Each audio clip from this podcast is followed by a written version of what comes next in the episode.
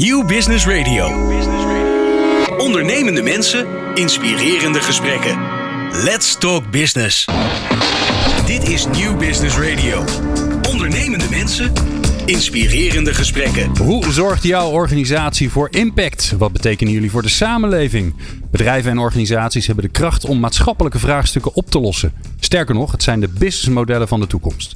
We vragen voorbeeldige organisaties en experts naar hun inzichten uit wetenschap en praktijk. Hoe gaan zij om met de Sustainable Development Goals, de spanning tussen lange en korte termijn resultaten, tussen people, planet en profit? Welkom bij Impact, het programma over MVO, duurzaamheid, circulaire economie en natuurlijk impact. Ik ben Glenn van der Burg. In deze aflevering van Impact, uh, ja, we hebben een hartstikke volle, vol programma, wat heel erg leuk is. Uh, Carly uh, is er en Annette van Waning van het Impact Center Erasmus. En we gaan praten over de aanpak van impact. We hebben het al over andere dingen gehad, maar we gaan nu hebben over van hoe doe je dat nou eigenlijk? Rogier Joost is de gast, ontwikkelaar van gebouwen en gebieden bij Studio Air. En hij komt praten over de ontwikkeling van The Greenhouse in Utrecht. Heb je vast wel eens gezien. Paul Pontificaal voor de deur bij de Rabobank. Iris van der Akker van ABN AMRO, die, is, die bellen we over Paas. En dan zou je zeggen, misschien is Paas al lang voorbij. Nee, maar dat, dat staat voor Product as a Service. En de Impact Update met de laatste trends op het gebied van duurzaamheid wordt verzorgd door Volkert van der Molen van duurzaamondernemen.nl. Deze aflevering uh, maken we in samenwerking met het Impact Center Erasmus. En wil jij nou de nieuwste afleveringen van Impact via WhatsApp? Dat kan. Sla ons nummer dan op onder je contactpersonen 06 45 66 75 48. Stuur ons een berichtje met je naam en Impact aan. En dan sturen we de nieuwste afleveringen direct zodra ze online staan. En wat leuk is, je kunt ons dan ook reacties geven, tips en vragen stellen. Fijn dat je luistert naar Impact. Nieuw Business Radio. Ondernemende mensen, inspirerende gesprekken. Let's talk business. Carly Relou, uh, researcher bij Impact Center Erasmus. Leuk dat je er bent. Ja, dankjewel. We hebben het in de vorige afleveringen gehad over uh, wat is impact eigenlijk? Waarom moet het nou, is het nou interessant? Uh, hoe zorg je voor een goede strategie? We hebben het ook over de uh, Management Scope Impact Index. Je moet al even nadenken hoe het ook weer precies in elkaar zit. Daar hebben we het gehad. Ja, vandaag ja, gaan we naar, maar hoe doe je dat dan? En daar kom jij over vertellen. Dus ja, een simpele vraag. Je hebt besloten, je wil iets met impact. je vindt het belangrijk. Hoe, hoe begin je? Nou, wat heel grappig is, is veel organisaties komen naar ons toe met de vraag: wij willen onze impact meten. Terwijl wij steeds meer tegen ze zeggen: we moeten beginnen met impact denken. Dus begin met kijken: wat is er uniek aan mijn organisatie? Wat kan ik bijdragen? Uh, welke doelgroep richt ik me op? Waarom kies ik deze groep? Uh, wat kan ik daar in het bijzonder voor betekenen?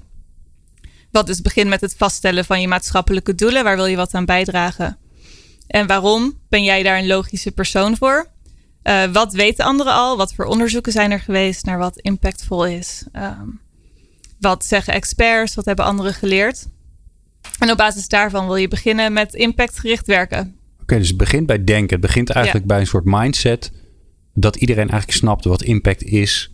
Uh, keuzes maken nog hoor ik je eigenlijk ervoor. ook wel zeggen. Ik denk, ja, oh, er zit ik, nog een stap voor. Nou nee, nee, nee. Ik bedoel, meestal heb je al gekozen dat je impactgericht wil gaan werken. Maar dan denk je, oké, okay, hoe ga ik dat doen?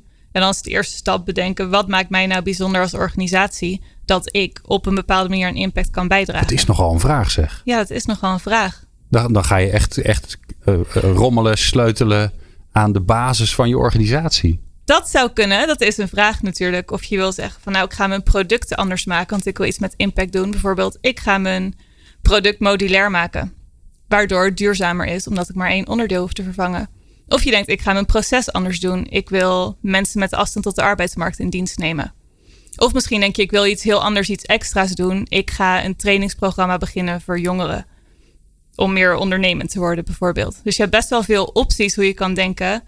Uh, zo ga ik impact in mijn bedrijfsvoering uh, of in mijn organisatie. Maar kon je ook zeggen, er zit ook een vraag voor waarom, waarom jij als organisatie? Hè? Waarom jij juist dat? Waarom past ja, inderdaad. Waarom past het goed bij je? Want wij geloven heel erg in dat je als organisatie een uniekheid hebt die heel erg kan bijdragen aan hoe goed jij bepaalde impact kan bezorgen.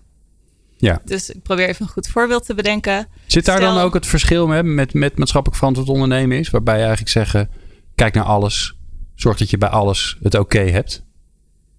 Um, Want ik, hoor jou zeggen, kies. Ja, kies één ding waar je echt goed in bent. En de rest wil je goed genoeg doen. Ja. Maar kies één ding waarin jij bijzonder bent. En waar jij kan uitblinken en echt het verschil kan maken. Heb je een voorbeeld? Um, poeh. Dan probeer ik een neutraal voorbeeld te verzinnen. Maar het pas voor wat over hadden was de Volksbank. Die kiest er bijvoorbeeld heel erg voor om met een van hun bankmerken heel lokaal aanwezig te zijn. En dat is waarop zij zich onderscheiden van andere banken. Ja, met, ja. ja. gewoon lokaal beschikbaar, veel kantoren. Terwijl de beweging eigenlijk veel meer is naar centralere banken met meer digitale services.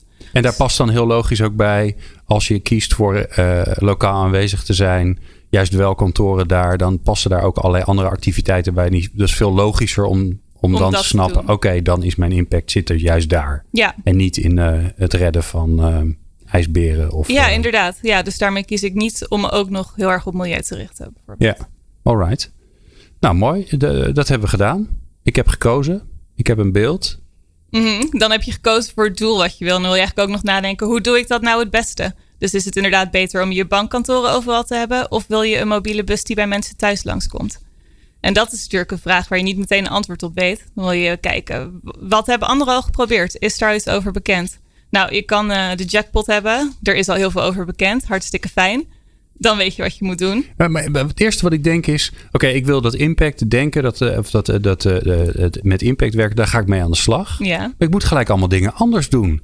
Ik word, daar, ik word daar als eigenaar van de organisatie een beetje benauwd van. Dan denk ik: nee, ik, ik doe toch allemaal al dingen. Ik, en dat is toch best goed. Ik wil alleen weten. De vraag is of je de goede dingen doet. Aha. Ja. Dus je kan heel veel dingen doen, maar uh, doe je de dingen goed en doe je de goede dingen? En dat zijn twee verschillende vragen. En, maar ik wil dus niet, dit is wel een belangrijk punt volgens mij. Mm -hmm. Ik wil dus niet eerst weten hoe sta ik ervoor. Want mijn eerste reactie zou zijn: ik ga eerst even meten. Dan weet ik hoe ik ervoor sta. Dan weet ik ook waar ik uh, denk, nou, daar ben ik niet zo tevreden over. Daar moet ik wat gaan doen. Maar jullie zeggen dus. Eigenlijk andersom. Zo werkt het niet. Ja, je Tenminste, gaat volgens ons kijken, werkt het niet zo. Ja, eerst nadenken: is het logisch wat ik überhaupt aan het doen ben? En kan ik op basis van wat ik weet en wat ik zelf logisch kan bedenken en wat ik zie in de praktijk, eigenlijk al zeggen of sommige dingen misschien niet het beste zijn. Je wil natuurlijk eerst dat je een soort zo goed mogelijke aanpak hebt. Uh, want als je eenmaal gaat meten, is dat best wel een uh, flinke investering. Dus dan wil je ook dat je 100% staat achter wat je doet. En ja. zit daar ook achter dat als je, hè, stel je voor dat, uh, dat ik, ik vertelde, ik, ik ben een eigenwijze klant. Ik zeg, ja, nee, maar ik wil eerst meten. Dat het misschien ook wel dan heel erg te vragen. Ja, maar dan, dan moet je alles gaan meten. Want je weet niet, als je nog niet gekozen hebt en je, je snapt niet waar je, waar je aan wil gaan sleutelen, dan moet je alles gaan meten. En alles binnen een groot bedrijf is nogal veel. Ja, zo beginnen veel organisaties ook. En daarom beginnen wij vaak met uh, uitschrijven wat zijn nou eigenlijk de dingen die je doet en wat zijn de effecten die je verwacht. Dus bijvoorbeeld, je hebt een programma waarin uh, nou ja, jongeren getraind worden om ondernemend te worden. Nou ja, welke onderdelen zitten er in die training? Zit er stages in? Zit er contacten met ondernemers in? Moeten ze een businessplan schrijven? Wat zijn alle dingen die je doet? Nou, daar komen allemaal outputs uit, zoals ze dat noemen. Dus daar heb je bijvoorbeeld uh, hoeveel plannen er geschreven zijn, hoeveel interacties met ondernemers, hoeveel trainingen, uren ze hebben gehad. En daarvan ga je kijken welke effecten verwacht ik nou. Om um, punten te krijgen waarop je kan gaan meten. Dus dan zeg je bijvoorbeeld, ik verwacht dat hun kennis toeneemt. Ik verwacht dat ze meer enthousiast zijn over ondernemerschap. Meer een carrière als ondernemer kunnen begrijpen wat dat inhoudt. En daardoor meer uh, op ondernemerschap gefocust zijn. Het, het klinkt alsof je uh, eerst kijkt, wat zijn mijn verwachtingen? Dus ja. wat, wat, hoop ik eigenlijk dat, ja. dat de effecten zijn van wat ik aan het doen ben? ben uh, op hè, wat mijn maatschappelijke impact is. Mhm. Mijn positieve maatschappelijke impact. Ja. En zolang je dat niet weet, heeft het ook niet zoveel zin om te, me- om te meten, want dan kun je nergens mee vergelijken. Nou, dat dan- ook. En dan ja. heb je meetresultaten en dan denk je, oké, wat betekent dit nou voor wat ik doe? Je wil natuurlijk eigenlijk zien, je moet voor je zien als een soort keten van effecten die je gaat bereiken, waarin je wil zien, oké, als ik effect A niet bereik, dan bereik ik waarschijnlijk effect C ook niet. Ofwel, dan is het heel interessant, want dan klopt je keten van effecten niet. Dus dan is het niet eh, volgordelijk. Eh, Dus maar- best een hoop eh, strategisch Ja. denkwerk. Ja, dit is best wel een ingewikkelde opgave. En dat is ook niet wat je in één middagje even op papier zet. Want vaak wil je eerst zelf erover nadenken. Hoe zie ik voor me dat mijn programma werkt? Dan wil je ook waarschijnlijk nog met mensen die aan jouw project hebben meegedaan eh, vragen hoe zij het hebben ervaren, hoe voor hun dingen zijn veranderd. En misschien nog een aantal experts spreken. En dan heb je misschien net een basis waarop van je zegt: hier durf ik op te gaan meten, want ik heb er vertrouwen in dat dit een goede aanpak is. Ja, Het gaat, er, het, gaat, het, eh, het gaat er ook wel over dat je veronderstelt allerlei dingen. Hè? In dat onderbuikgevoel denk je van nou, dit doet het en dat doet het. En dat kun je vaak goed uitleggen. Maar de vraag is ook van, is het ook echt het effect wat jij denkt dat het uh, gaat opleveren? Is dat ook zo? En als je dus niet goed nadenkt over van hoe zijn, wat zijn die effecten, dan kom je inderdaad op wat Carly zegt uit op dingen dat je denkt van, huh?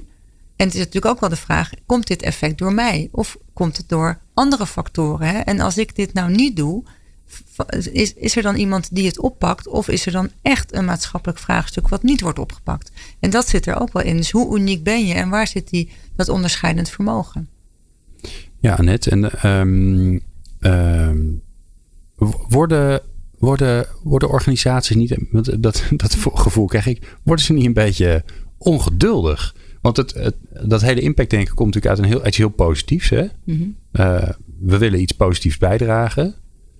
En eigenlijk wat jullie zeggen is, nou, als je dat nou goed wil aanpakken, moet je eerst huiswerk maken. En ik kan me voorstellen dat er heel veel bedrijven nogal van de doenerigen zijn. Ik zou dat wel zijn. Nee, huiswerk? Nee, ik wil wat, ik wil wat gaan doen. Ik wil, ik wil schuldenproblematiek aanpakken. De, zeker als je zoiets gevonden hebt, dan ben je er helemaal vol van. Wat zie je dan gebeuren bij klanten?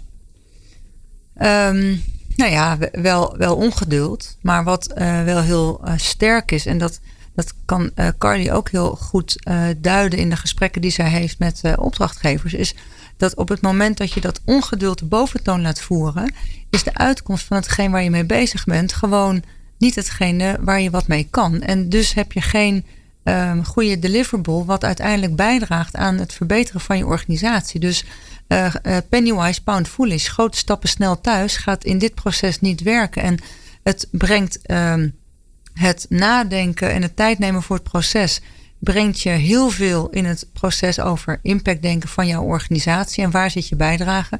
Maar het levert ook vaak dingen op in een organisatie op andere vlakken, omdat ze denken: Goh, ja, zo heb ik eigenlijk ook nog nooit over mijn organisatie nagedacht. En die, die waarde is ook heel groot. Dus ja, het uh, kost tijd, maar het resultaat wat je daarna hebt is ook vele malen beter en ook groter op andere vlakken dan groot stappen snel thuis. Ja. Maar dat, dat vraagt wel uh, goed verwachtingsmanagement.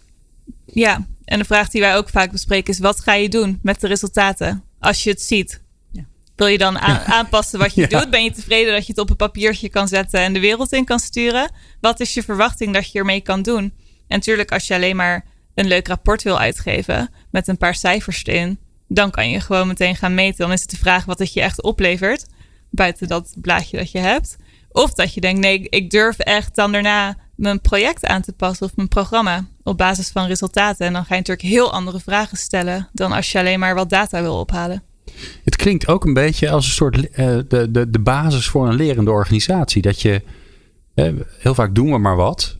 Uh, dat klinkt een beetje negatief, maar ja, vanuit allerlei kennis die je hebt en, en onderbuikgevoelens en emoties wordt er wat gedaan. En jullie mm -hmm. zeggen eigenlijk van ja, uh, denk er goed over na. Maak keuzes. Bepaal ook wat het is. Bepaal ook wat je denkt dat er gaat gebeuren. En als je dan, als je dan gaat meten.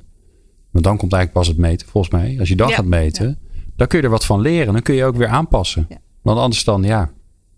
Uh, bedoel, nou dan, dan leer je gewoon in ieder geval kijk, veel minder. Er zit absoluut die, die learning loops, die zitten erin. En als je daadwerkelijk bereid bent om de resultaten te gebruiken om in je organisatie uh, te leren en uh, te, te durven veranderen, dan heb je ook wel een basis om te zeggen van we, we, we gaan die verandering doen omdat, we, omdat, dit, omdat dit de basis is om het te willen doen. En je verandert met een achtergrond en een gefundeerd verhaal en niet om het maar te moeten veranderen. En dat, dat helpt ook enorm.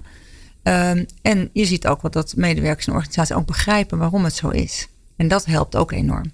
Dus dat, dat gebruik van die resultaten is een vraag die aan de voorkant al wordt gesteld. Wat ga je met die resultaten doen? Eigenlijk in de eerste, tweede gesprekken van mensen of bedrijven zeggen van we willen impact meten. En dan altijd in die eerste gesprekken komt naar voren van en wat wil je ermee en waarom wil je dat? Het leuke is dat we uh, een, eh, een case hier uh, in de studio hebben. Hij heet geen case, want hij heet Rogier. maar Rogier, Rogier Joost is hier. Die heeft de Greenhouse ontwikkeld, samen met anderen natuurlijk. Ja, daar hadden ze ook een idee bij. Daar hadden ze ook een beeld bij wat voor impact het zou zijn. En ja, wat eruit is gekomen, dat hoor je zo. Let's Talk Business op Nieuw Business Radio. Praat mee via @nieuwbusradio_nl. Rogier Joosten is bij ons in de studio. Uh, dat is bijzonder leuk, want hij heeft aan de, aan de wieg gestaan van de Greenhouse. En als je nou denkt, nou dat, uh, dat is, is dat ergens een kas of zo? Nee, dat is niet zo. Als je, als je ooit in Utrecht bent geweest en je bent ooit bij de Rabobank geweest, dan is je vast opgevallen dat daar nu voor de deur een, een mooi nieuw pand staat waar je lekker kan eten en lekker koffie kan drinken. En dat is de Greenhouse. Um, en dat heeft hij samen met een heleboel mensen ontwikkeld. Rogier, welkom. Ja, Bijzonder leuk dat je er bent. Um, ja, uh, de, de, eerste vraag. De, de, de, Greenhouse is ooit begonnen. Wat was de, wat was de initiële gedachte bij, uh, bij het neerzetten van de Greenhouse? Nou, de, de echte eerste gedachte was eigenlijk heel sober. Het was namelijk uh, sobere gedachte, inderdaad, weinig, weinig ambitie, weinig impact. De bedoeling was eigenlijk om 15 jaar iets neer te zetten en daarna weer weg te halen. Omdat er dan eigenlijk pas echt iets komt wat heel lang gaat staan. Dus het, het gebouwtje is maar dit, 1000 vierkante meter groot. En straks komt er een gebouw van waar heel veel mensen in gaan wonen, waarschijnlijk 30.000 vierkante meter. Maar er komt iets en die van een opgave was wel een hele belangrijke. Ja, een woontoren. Oké. Maar die opgave was heel belangrijk, omdat je in een stad niet uh, iets braak moet laten liggen. Dat is ten eerste zonde. Dat is eigenlijk ook niet circulair. Maar het levert ook geen kwaliteit naar de leefomgeving. Uh, dus die opgave had iemand anders bedacht. En wij mochten uh, zelf invulling gaan geven voor die 15 jaar. Het had ook een horecabestemming. En langzamerhand bedachten we, ja, de, het ontwikkelend bouwen vraagt echt een nieuwe opgave. Uh, circulair bouwen gaat gewoon veel te traag. Iedereen heeft het erover, maar er gebeurt niks. En wij wilden eigenlijk hele grote impact maken door dit echt een voorbeeldproject te laten zijn. Waarbij iedereen ziet, en nou komt het, dat het gewoon haalbaar en schaalbaar is. Dus dat het geen extra euro hoeft te kosten als je het maar op een bepaalde manier benadert. En dat is eigenlijk gelukt. Maar ergens komt het moment dat iemand zegt: zullen we het circulair gaan maken? Want dat, ja, dat komt niet uit de lucht vallen, toch? Ja, nou, dat, dat heb ik eigenlijk zelf uh, gedaan. Okay. Uh, althans, de opgave was niet zo gedefinieerd door, uh, door de gemeente. Anders dan dat het na 15 jaar weg moet. En dachten wij, ja, dat is een ideale kans om het echt circulair te maken. Want dan hoeven we het namelijk over 15 jaar niet weg te gooien. En het had ook, niet alleen maar dat over 15 jaar wil je het ook zo min mogelijk weggooien. Dus het had ook gewoon echt een ander gebouw moeten maken. Wilden we hebben. En toen zijn we, en daar kwam het eigenlijk op. Toen zijn we eens gaan kijken, waar, waar kunnen wij nou eigenlijk impact maken? En toen kwam er iets anders heel interessant aan bod. Is dat eigenlijk bleek dat dat gebouw zelf, dat gebouwen, het bouwen zelf, uh, maar een klein deel van de impact was. Want het gaat met name over wat je over die 15 jaar exporteert. En dan kwam notabene een horeca in. Nou, horeca die sleept eindeloos veel uh, goederen aan. En er komen heel veel mensen op af. Dus bij elkaar opgeteld uh, was het echt een hele leuke manier om toch op deze schaal te beginnen met echt een circulaire economie. Dus zowel de, het bouwen als de exploitatie hebben wij toen samengevoegd. En gekeken hoe gaan we dat anders doen dan we normaal doen. En, en hoe werkt dat denken dan over? Want ik kan me voorstellen dat als jij met allemaal leuke creatieve mensen erover nadenkt, dat het gebeurt. Maar je doet zoiets in opdracht. Je doet ook dat met, eh, met partners die, ja, die gewend zijn om gebouwen neer te zetten of die horeca te doen. Ja. Um, het maakt het wel ingewikkelder, zou ik dan denken. Als jij, als jij lekker aan het produceren bent en uh, het, is, uh, het is ook nog eens een keer een hartstikke krappe markt en iedereen die moet, uh, moet, moet snel produceren dat jij best wel een lastige man bent. Je, ja, komt hij met circulair en dan moet ook nog eens een keer de horeca. Jeetje mina, ingewikkeld. Nou, je moet dat inderdaad uh, wel inzichtelijk maken hoeveel tijd je er neemt voor die fase van, uh, wij noemen dat wel eens divigeren. Dus heel veel nieuwe creatieve oplossingen vinden en van daaruit keuzes maken en dan gewoon het normale bouwproces ingaan. Dus dat is zeker essentieel om daarbij stil te staan. En het, je hebt het helemaal terecht opgemerkt. Heel veel mensen die vonden het ook heel lastig dat er continu weer iemand was die dacht, maar volgens mij kunnen we het beter. En volgens mij kunnen we het anders. Ja, want jij bent, jij, eigenlijk verstoor jij continu het proces. Dat is jouw baan. Uh, ik, leid, ik laat ze continu, uh, zet ik ze op een andere gedachte. Ja. Maar het proces verstoren zou ik niet willen zeggen. Als je, we hebben van tevoren heel duidelijk inzichtelijk gemaakt uh, hoeveel tijd we konden nemen om, het, om een nieuw ontwerp te maken. En hoeveel tijd de bouw mag kosten. En eigenlijk vulden ze elkaar aan. Want hoe beter circulair ontwerp, hoe sneller je kunt bouwen. Dus eigenlijk hebben we daarmee het, het, wat dat betreft het proces al opgelost. Oké. Ehm, leg je dan ook vast wat je, wat je verwacht, wat de impact gaat zijn? Een beetje in analogie wat Van Cardi net vertelde. Die zei ja, je moet eerst, je moet, dat moet je eerst bedenken. Nou, twee dingen maakten dit project uniek. Uh, de opdrachtgever waren we zelf als het gaat over uh, wat we wilden bereiken. Uh, de, de, opgave was niet anders van zet er iets voor 15 jaar neer. Dus wij konden zelf eigenlijk onze opdracht verzinnen. En dus zelf onze ambities formuleren. En we hebben daar zelf dus die visie ontwikkeld. We willen het gewoon haalbaar en schaalbaar maken. En schaalbaar had omdat we uh, met een groot consortium waren. Ballast Nidam, Structon en Facilicom. Die eigenlijk heel veel in het land doen. En die wilden allemaal op die manier, zoals we op de Greenhouse geëxperimenteerd hebben, anders doen. Dus we bepaalden zelf die opgave. En we hebben gewoon gekeken hoeveel impact kunnen we gaan maken op dit project. Ja. En dat leg je, maar dat, dat is dan, ik zie dat dan voor me, dat je dat bespreek je met z'n allen en dan gaat alle kanten. Op een gegeven moment dwarrelt het neer. Ja, en nou, dat, dit, dit zijn ze. Nou, wat het andere aspect wat heel belangrijk was, is dat we eigenlijk hebben, we hebben gezegd, we gaan ons uitdagen in elke fase van het project. En we pakken letterlijk elk onderdeel van het, van het gebouw op. Dat moeten we toch doen, hè? dat is gewoon onderdeel van het proces. En gaan we kijken, kunnen we dat niet langs de lat leggen van uh, uh, meer duurzaam. En meer duurzaam is meer dan alleen maar uh, circulaire producten. Dat gaat ook over minder energieverbruik of andere vormen van duurzaamheid. We hebben gekeken, kunnen we dan niet wat we normaal doen eigenlijk beter doen? En we hebben eigenlijk heel bewust niet gezegd, dit moet de lat zijn. Of dit moet het resultaat zijn. We hebben eigenlijk gezegd, we willen eigenlijk binnen de bestaande budgetten willen we iets maximaals benaderen. En dus per opgave gaan we kijken, kan dat niet veel beter? Mhm. Dat gaf heel veel vrijheid, waardoor mensen uh, minder spanning voelde. En daardoor hebben we eigenlijk ook gekeken waar kunnen we het beste impact kunnen maken. Nou, een beetje praktisch, hè, want daar gaat het hier ook een beetje in het programma over. Bij een gebouw, als je gewoon veel minder beton maakt, heeft dat veel meer invloed dan dat je goedkoop, uh, duurzame gordijnen ophangt. Dus we hebben eerst gekeken van, kunnen wij nou niet veel minder beton toepassen? En het is bijna ongelooflijk, maar we hebben gewoon het hele gebouw weegt nu maar de helft van wat het oorspronkelijk woog.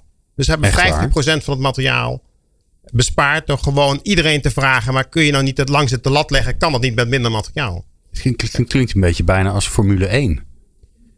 Ja, een beetje, dat is totaal niet duurzaam, dat snap ik wel. Maar dat, daar, moet, daar duwen ze ook natuurlijk tegen de grens van alles aan. Er moeten uh, grammetjes af, betekent gewoon. En dat, dat zie ik hier ook voor me. Dat is ja, precies wat je doet. Overigens, uh, Formule 1 levert uiteindelijk een heleboel innovatieve producten op die wel heel veel duurzaam zijn. Maar daar is wel heel veel energie voor nodig. Ja. In dit geval dus eigenlijk niet. Want we hebben hier uh, iets, iets gemaakt wat gewoon heel veel, wat eigenlijk meer dan 100 verhalen heeft. En al die verhalen komen dus uit. Als je rondloopt in, dat, in, de, in de greenhouse, dan zie je ze ook. Of het nou een duurzame stoel is van petflessen. Of dat het nou eh, steentjes zijn die op de grond liggen. Ze hebben allemaal een verhaal die echt impact hebben gemaakt op het uiteindelijke resultaat. En allemaal binnen de bestaande budgetten. Hoe lang staat het er nu? Een jaar. We hebben, we hebben het eigenlijk in twee jaar ontwikkeld. Dus in, als je het hebt over innovatie, is dat heel erg snel. Hè? Want dat is eigenlijk een normaal ontwikkeltraject. Maar nogmaals, iets meer tijd gehad om na te denken. En iets sneller gebouwd. Dat was eigenlijk het idee. Maar uiteindelijk hebben wij uh, in die afgelopen jaren meer dan 80.000 uh, eh, mensen mogen ontvangen. Uh, dat zijn dus eigenlijk allemaal mensen die daar eigenlijk toch grotendeels op afkomen. Omdat ze gewoon het een hele bijzondere locatie vinden. En weggaan met een verhaal. En dat is precies wat we wilden bereiken. Een broedplaats ja, voor circulariteit. Ja. En misschien nog een leuke anekdote. De, dat hebben, we, we meten overigens, overigens wel heel veel nu. Ja, dat hadden we het net ook over. En wat we bijvoorbeeld nu ook meten is uh, ja, hoeveel mensen gaan eigenlijk een keuze maken die leidt tot een, een duurzaam menu. Want we hebben een hele duurzaam menu, maar iedereen kan ook gewoon vlees en vis eten. En nou blijkt dat iedereen zelfstandig op eigen keuze heeft meer dan 80% gekozen voor niet vlees of vis. Dus eigenlijk een vegetarisch gerecht. Nou, dan maak je dus eigenlijk door een conditie te scheppen, door een omgeving te scheppen met een verhaal, geef je iedereen zelf de kans om te kiezen. Ja, je bent, je bent in een duurzame omgeving. Dat voel je. Dat, dat voel je aan alles. Dat zie je aan alles. Alles heeft een verhaal. Dan ga je geen Black Angus beef uit Argentinië bestellen. Dat doe je gewoon niet. Dat doe je niet. Nee. En, en waarschijnlijk heeft niemand het door van zichzelf. Ja. um, mooi. Nou, dat, niet, dat zou je kunnen zeggen. Alleen die omgeving die jij zo mooi omschrijft, die wordt wat ingewikkelder als je gaat ontwerpen. Terwijl je eigenlijk dat precies wil bereiken. Want als je het ontwerpt, dan bepaal je je impact. Dan ga je bepalen wat voor materialen, hoe groot je je gebouw maakt en hoe lang de levensduur is. En dan wil je eigenlijk diezelfde omgeving creëren dat iedereen gestimuleerd is om continu tot andere gedachten te komen, tot betere oplossingen. Nou is er, dat was onze visie, eh, is er eigenlijk in de markt op dit moment voldoende om enorm veel impact te maken als het gaat over toepassen van duurzame materialen. Er zijn gewoon heel veel leveranciers. Alleen je moest ze zoeken. Ze hebben er ook voor gekozen om een heel netwerk, een nieuw netwerk aan te boren. Ik noem dat eco-netwerk van mensen die ons wilden helpen om dat gebouw, op het moment dat wij mochten nadenken over nieuwe ontwerpen, op dat moment de beste innovaties konden laten toepassen. Zonder dat het extra veel geld kostte. En nu zijn er inmiddels een jaar verder, eigenlijk twee jaar verder, hè, als je goed geluisterd hebt, een jaar gebouwd en een jaar open. Zijn er al heel veel nieuwe innovaties. Als ik het nu weer opnieuw zou doen, zou ik weer allerlei andere producten kunnen toepassen. Want ik zie ze allemaal voorbij komen. Die mensen komen overigens nog steeds aan de deur bellen. Mogen wij ons product niet toepassen? Ja, ja. En, even, mensen die komen er wel eens en zeggen ja, maar dat is eigenlijk niet gelukt. Ja, het is eigenlijk een living lab. We gaan door. Onze visie is dat we over, inmiddels, we blijven nog 14 jaar open. We hopen dan een keuken te hebben zonder stekkers. Dus de, de, de ambitie is om uiteindelijk te eindigen met een stekkerloze keuken. Oftewel een keuken die met echt fundamenteel minder energie verbruikt. En dat lukt, want we maken elk jaar stapjes. Ook in dat duurzame menu. elk jaar maken we stapjes. Maar dat doen we wel heel vaak met partners, dat econetwerk. Want je kunt het niet zelf doen. Je hebt gewoon mensen nodig die het voor jou uh, in hun proces implementeren als zijnde. Die ketens die zijn, zo, die zijn zo ingewikkeld vaak. Dat kun je niet zelf doen. Alleen je moet het faciliteren. Mijn rol was ook als kwartiermaker om de hele tijd mensen erbij te halen. Die dat stukje konden bijdragen. Wat gewoon voorhanden is. Maar niet het is ingewikkeld is om ze allemaal te combineren op hetzelfde moment op één project. Rogier, ik, uh, ik, ik kom ineens tot een enorm uh, belangrijk besef. Dat jouw verhaal veel te uh, groot en mooi is om, om, in, om in 10 minuten te bespreken. Dus ik, ik zou zeggen, dit was het voorgerecht. Of misschien zelfs wel de amuse. En ehm, mijn belofte aan de luisteraar is, want die zal ditzelfde gevoel hebben als ik. Is dat je gezellig nog een keer terugkomt. En dan trekken we gewoon een heel uur ik zou het heel graag doen. Wauw, wat, uh, wat een verhaal zeg. Uh, we gaan straks uh, het nog even met elkaar hebben over, over het verhaal van Rogier. En dan ben ik natuurlijk ook heel benieuwd hoe, hoe Cardi en Annette van Impact Center Erasmus naar kijken. we gaan zo eerst bellen met um, Iris van der Akker. Zij is van de ABN AMRO en die gaat praten over Product as a Service. En dat hoor je zo. Nieuw Business Radio. Non-stop lekkere muziek voor op het werk en inspirerende gesprekken. Je hebt misschien wel eens gehoord van SaaS. Zeker als je in de, in de IT-wereld zit. Software as a service. En nu is er ook PaaS. Product as a Service. In plaats van dat je een product eh, verkoopt, stelt de producent het als service beschikbaar tegen een periodiek bedrag. Wat betekent het als de producent eigenaar blijft van dat product? Hoe ver is de markt? Nou, dat vragen we allemaal aan Iris van der Akker. Zij is commercieel manager Product as a Service bij ABN AMRO. Iris, welkom. Dankjewel, Glenn. Um, product as a service past volgens mij ook heel mooi in de, in de hele circulaire economie. waarom liggen er nou juist nu kansen voor product as a service? Um, ja, eigenlijk is uh, product as a service een van de circulaire verdienmodellen zoals we ze uh, gedefinieerd hebben als ABN AMRO samen met ING en Rabobank. Um, het, uh, het product as a service als een businessmodel betekent eigenlijk dat de producten in eigendom blijven van de producent en die ze als een dienst uitleent aan uh, de eindgebruiker. En omdat die producten in eigendom blijven van die producent, wil die producent ook zorgen dat die producten zo langdurig en zo veelvuldig gebruikt kunnen worden. Um, en dat is precies waar de circulaire economie om draait. Uh, het uh, minimaal gebruik maken van uh, nieuwe grondstoffen.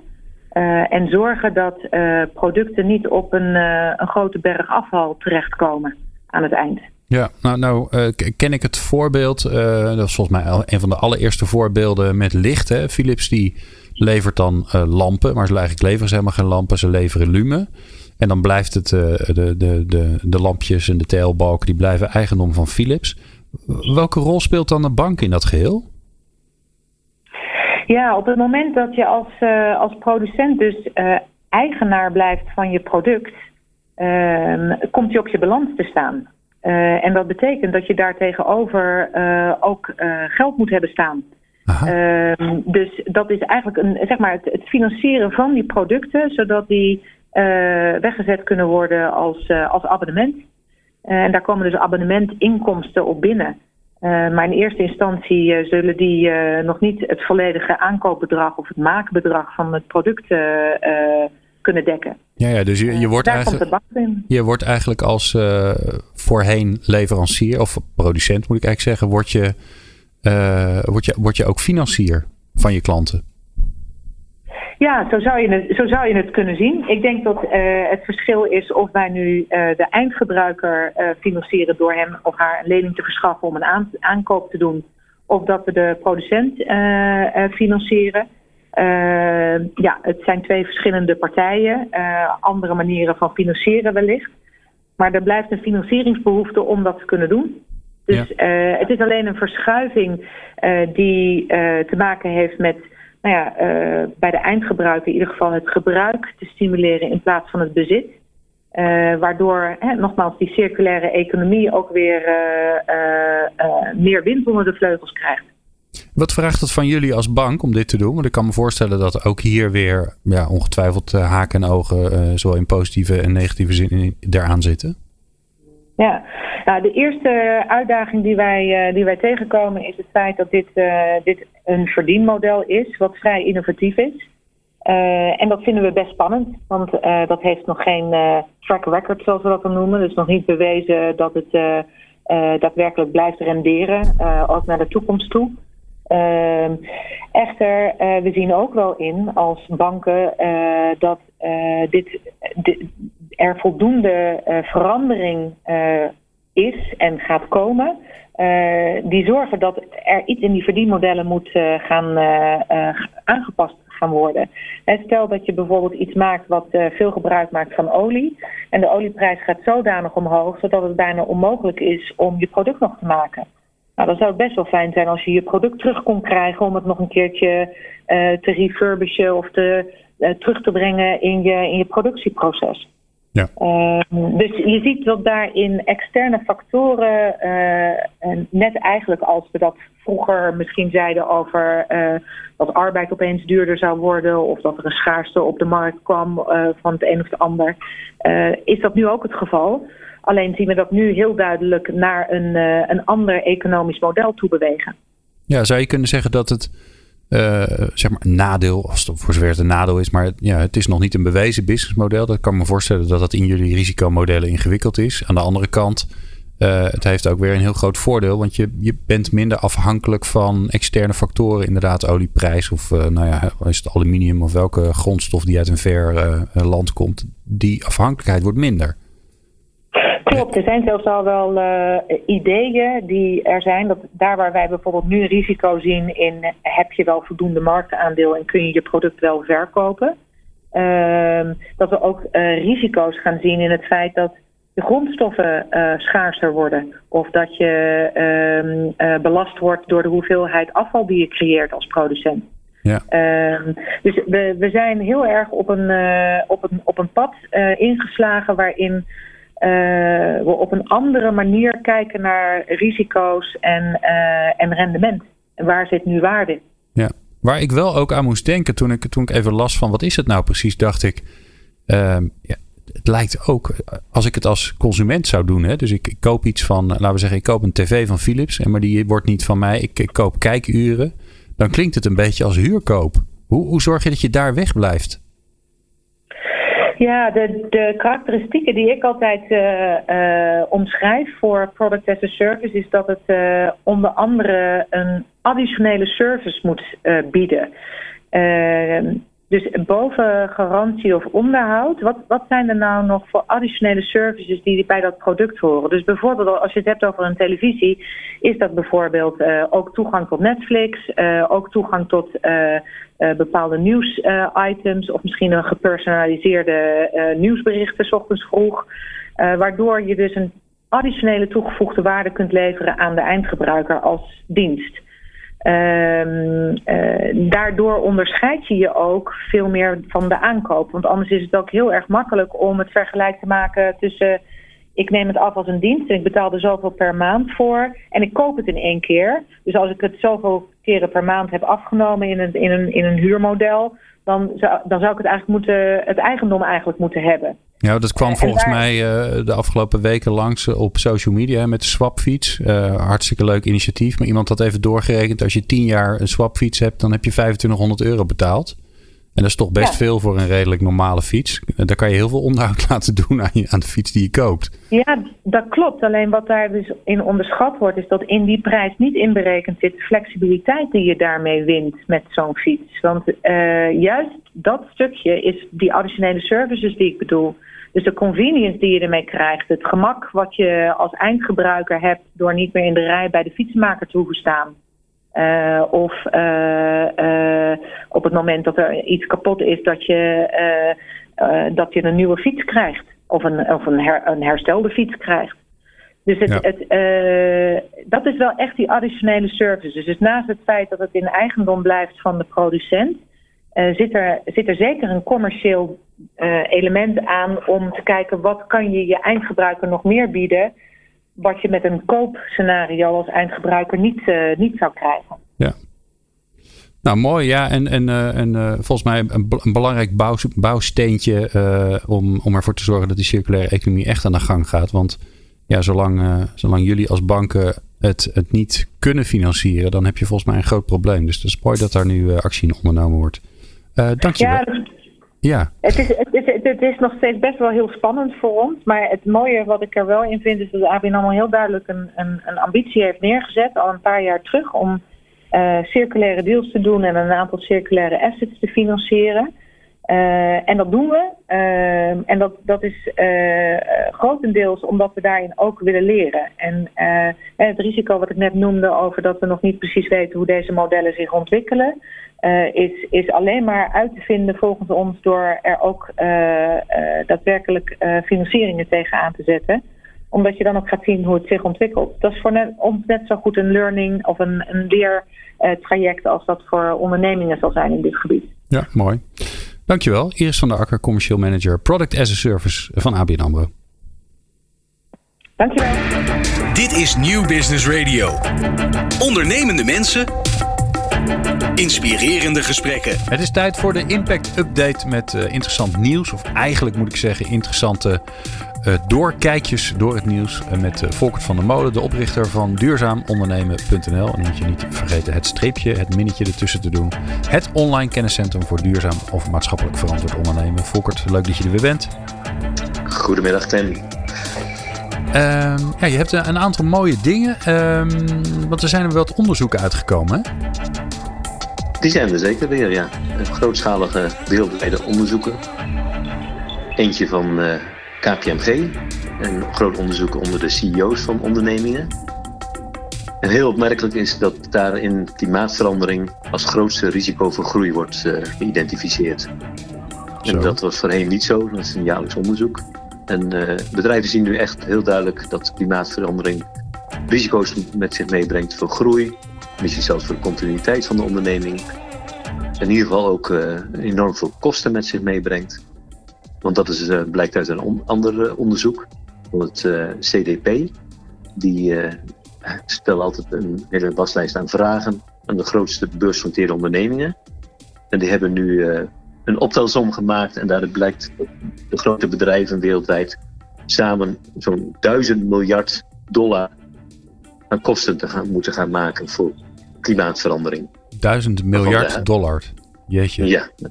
En dan waarvan de helft eigenlijk als, als zeker ingeboekt kan worden. Want dat is, zijn kosten die voorkomen uit bijvoorbeeld wetgeving, bijvoorbeeld ook CO2-beprijzing en dergelijke. Allemaal dus maatregelen om klimaatverandering tegen te gaan, waarvan de kosten dus heel veel afgewenteld zullen worden op bedrijven. Zo dan. Nou, dat, dat is nogal wat. Maar uh, ja, wel, uh, ook wel weer goed nieuws, toch? Want uh, dat betekent dat ze daar ongetwijfeld in hun besluiten die ze nemen en de, en de policies die ze hebben rekening mee gaan houden. Zeker, en ook in de innovatie en dergelijke, want iedereen probeert het natuurlijk zo slim mogelijk te doen en tegen zo weinig mogelijk kosten. Ja. Dus daar zullen de koplopers zich van de, van de rest gaan onderscheiden. Ja, er is, uh, volgens mij hebben we alle keren tot nu toe ook uh, nieuws uh, langs horen komen over, over de voedingsindustrie. En ook dit keer weer, hè? Ja, ja en het blijft maar doorgaan. de een en andere product wordt op de markt gezet. En er is gewoon een slag om de vegaburger gaande. En er komen er steeds meer op de markt van verschillende partijen. En het bekende bedrijf Beyond Meat uit Amerika gaat nu ook in Nederland. hij is al verkrijgbaar, de vegaburger uh, een beetje erg of vleeslijkend uh, ook produceren. In uh, licentie door Sanenburg in Nederland. En dus ook lokaal geproduceerd zijn die burgers nu ook beschikbaar. Oké. Okay. Heeft allerlei verschillende burgers met niet gemaakt van vlees in de aanbieding. Er uh, lijkt een echt een slag te gaan uh, plaatsvinden. En je hoort ook steeds meer positieve berichten over de kwaliteit van die producten. Die doen zeker niet onder voor de vleesburgers. Nee, je komt ze bijna in elk restaurant kom je ze tegenwoordig tegen, hè? Ja, sowieso, sowieso hamburgers zijn in, maar dan, uh, er is bijna altijd ook wel een vegetarische variant. Dat is wel mooi om te zien. Ja, en dan nu ook in het schap van de supermarkt. Ja. Heel laagdrempelig, ja. Oké, okay. nog meer onderzoeken. Dit keer onderzoek onder millennials. Ja, er is ook een groot uh, wereldwijd onderzoek gebeurd naar, uh, gepubliceerd naar millennials. En die blijken maar weinig vertrouwen te hebben in de maatschappelijke agenda van uh, bedrijven.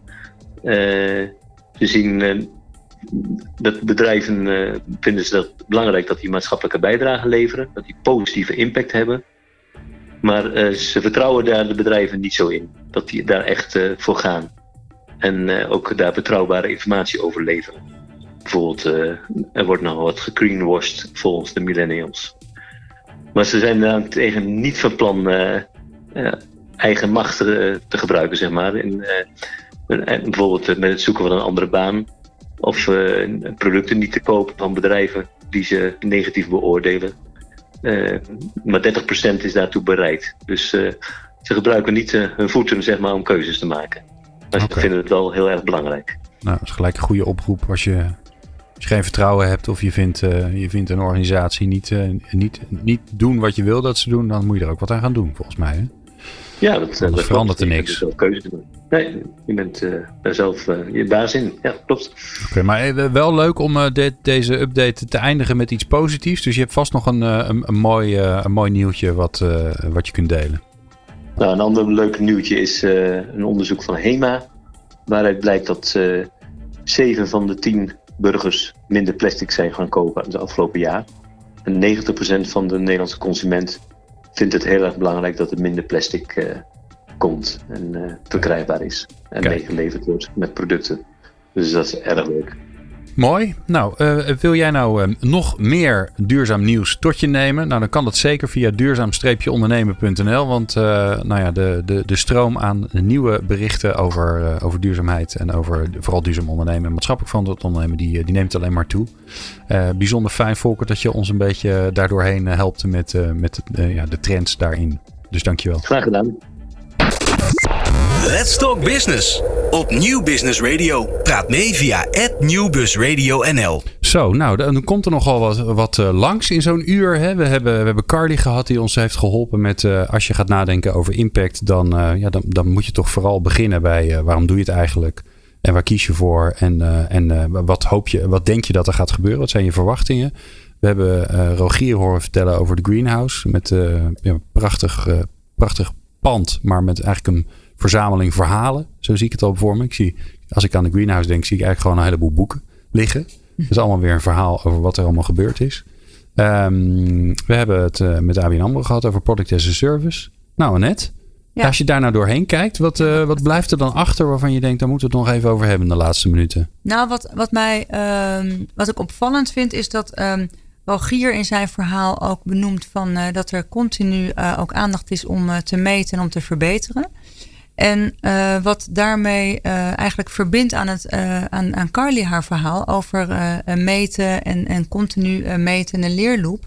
En eigenlijk even een vraag aan Carly van, als je nu kijkt, we hadden het over meten als, nou ja, echt best wel groot en ingewikkeld. En wat zou van, ja, moet je daar nou wel aan beginnen? Eigenlijk kun je, als Rogier het nu zo benoemt, heb je een soort meten light. Ja, zeker. Nou, wat ik bijvoorbeeld een heel leuk voorbeeld vond wat Rogier gaf, zei nou, we zagen dat we eigenlijk veel beter beton konden besparen dan duurzame gordijnen ophangen. Dat is ja. dan stap 1 waar je gaat nadenken over wat heeft nou het meeste impact van alle dingen die ik doe. Daar ga ik het eerst mee aan de slag. En wat hij uh, in de pauze denk ik even naar ons toefluisterde was dat ze nu vooral heel erg met het menu aan het meten zijn. En aan het kijken hoe ze mensen hun uh, gedrag kunnen beïnvloeden, maar ook welke producten nou eigenlijk aanslaan en welke producten nou meer en minder uh, milieubelasting hebben. En dat is natuurlijk een heel snelle manier om veel kennis op te doen over hoe je je menu kan samenstellen. En daarmee waarschijnlijk ook voor heel Albron uh, betere menus kan vinden of meer kan bijdragen aan de eiwittransitie. Ja.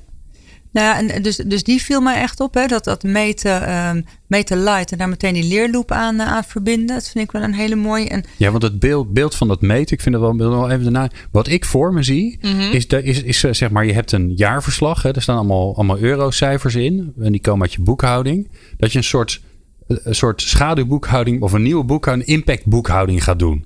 Dus ik zie een hele afdeling voor me. Die zijn, die zijn continu zijn die impactboekhouding aan het doen. Die zijn aan het meten. En zeggen nou, uh, goh, de, hè, de CO2-footprint van die afdeling is gestegen. Daar moeten we wat aan gaan doen. Maar dat is het dus niet. Nou, liever niet. Nee. nee. nee. nou ja, ik, ik, word daar niet heel enthousiast van. Nee, maar dan, dan, dan, gaat het dan, zoals je het schetst, dan heb je het inderdaad weer over alleen maar het meten als doel op zich. En dat is het dus echt niet. Het gaat, Want dan heb je het alleen maar over die output en over die, die, die getalletjes die eruit komen. Terwijl het veel meer gaat over van wat is nou het effect en het maatschappelijke effect wat we bereiken met de dingen die we doen. En, en dat is veel meer de kern van de kernvraag. En wat ehm, in het voorbeeld van Rogier heel zit, goed zit, zijn zeg maar de, de, de, ook de light versies. Hè, dat Albron ook op dat menu meet. Hè, van wat, wat kan nu de next step zijn.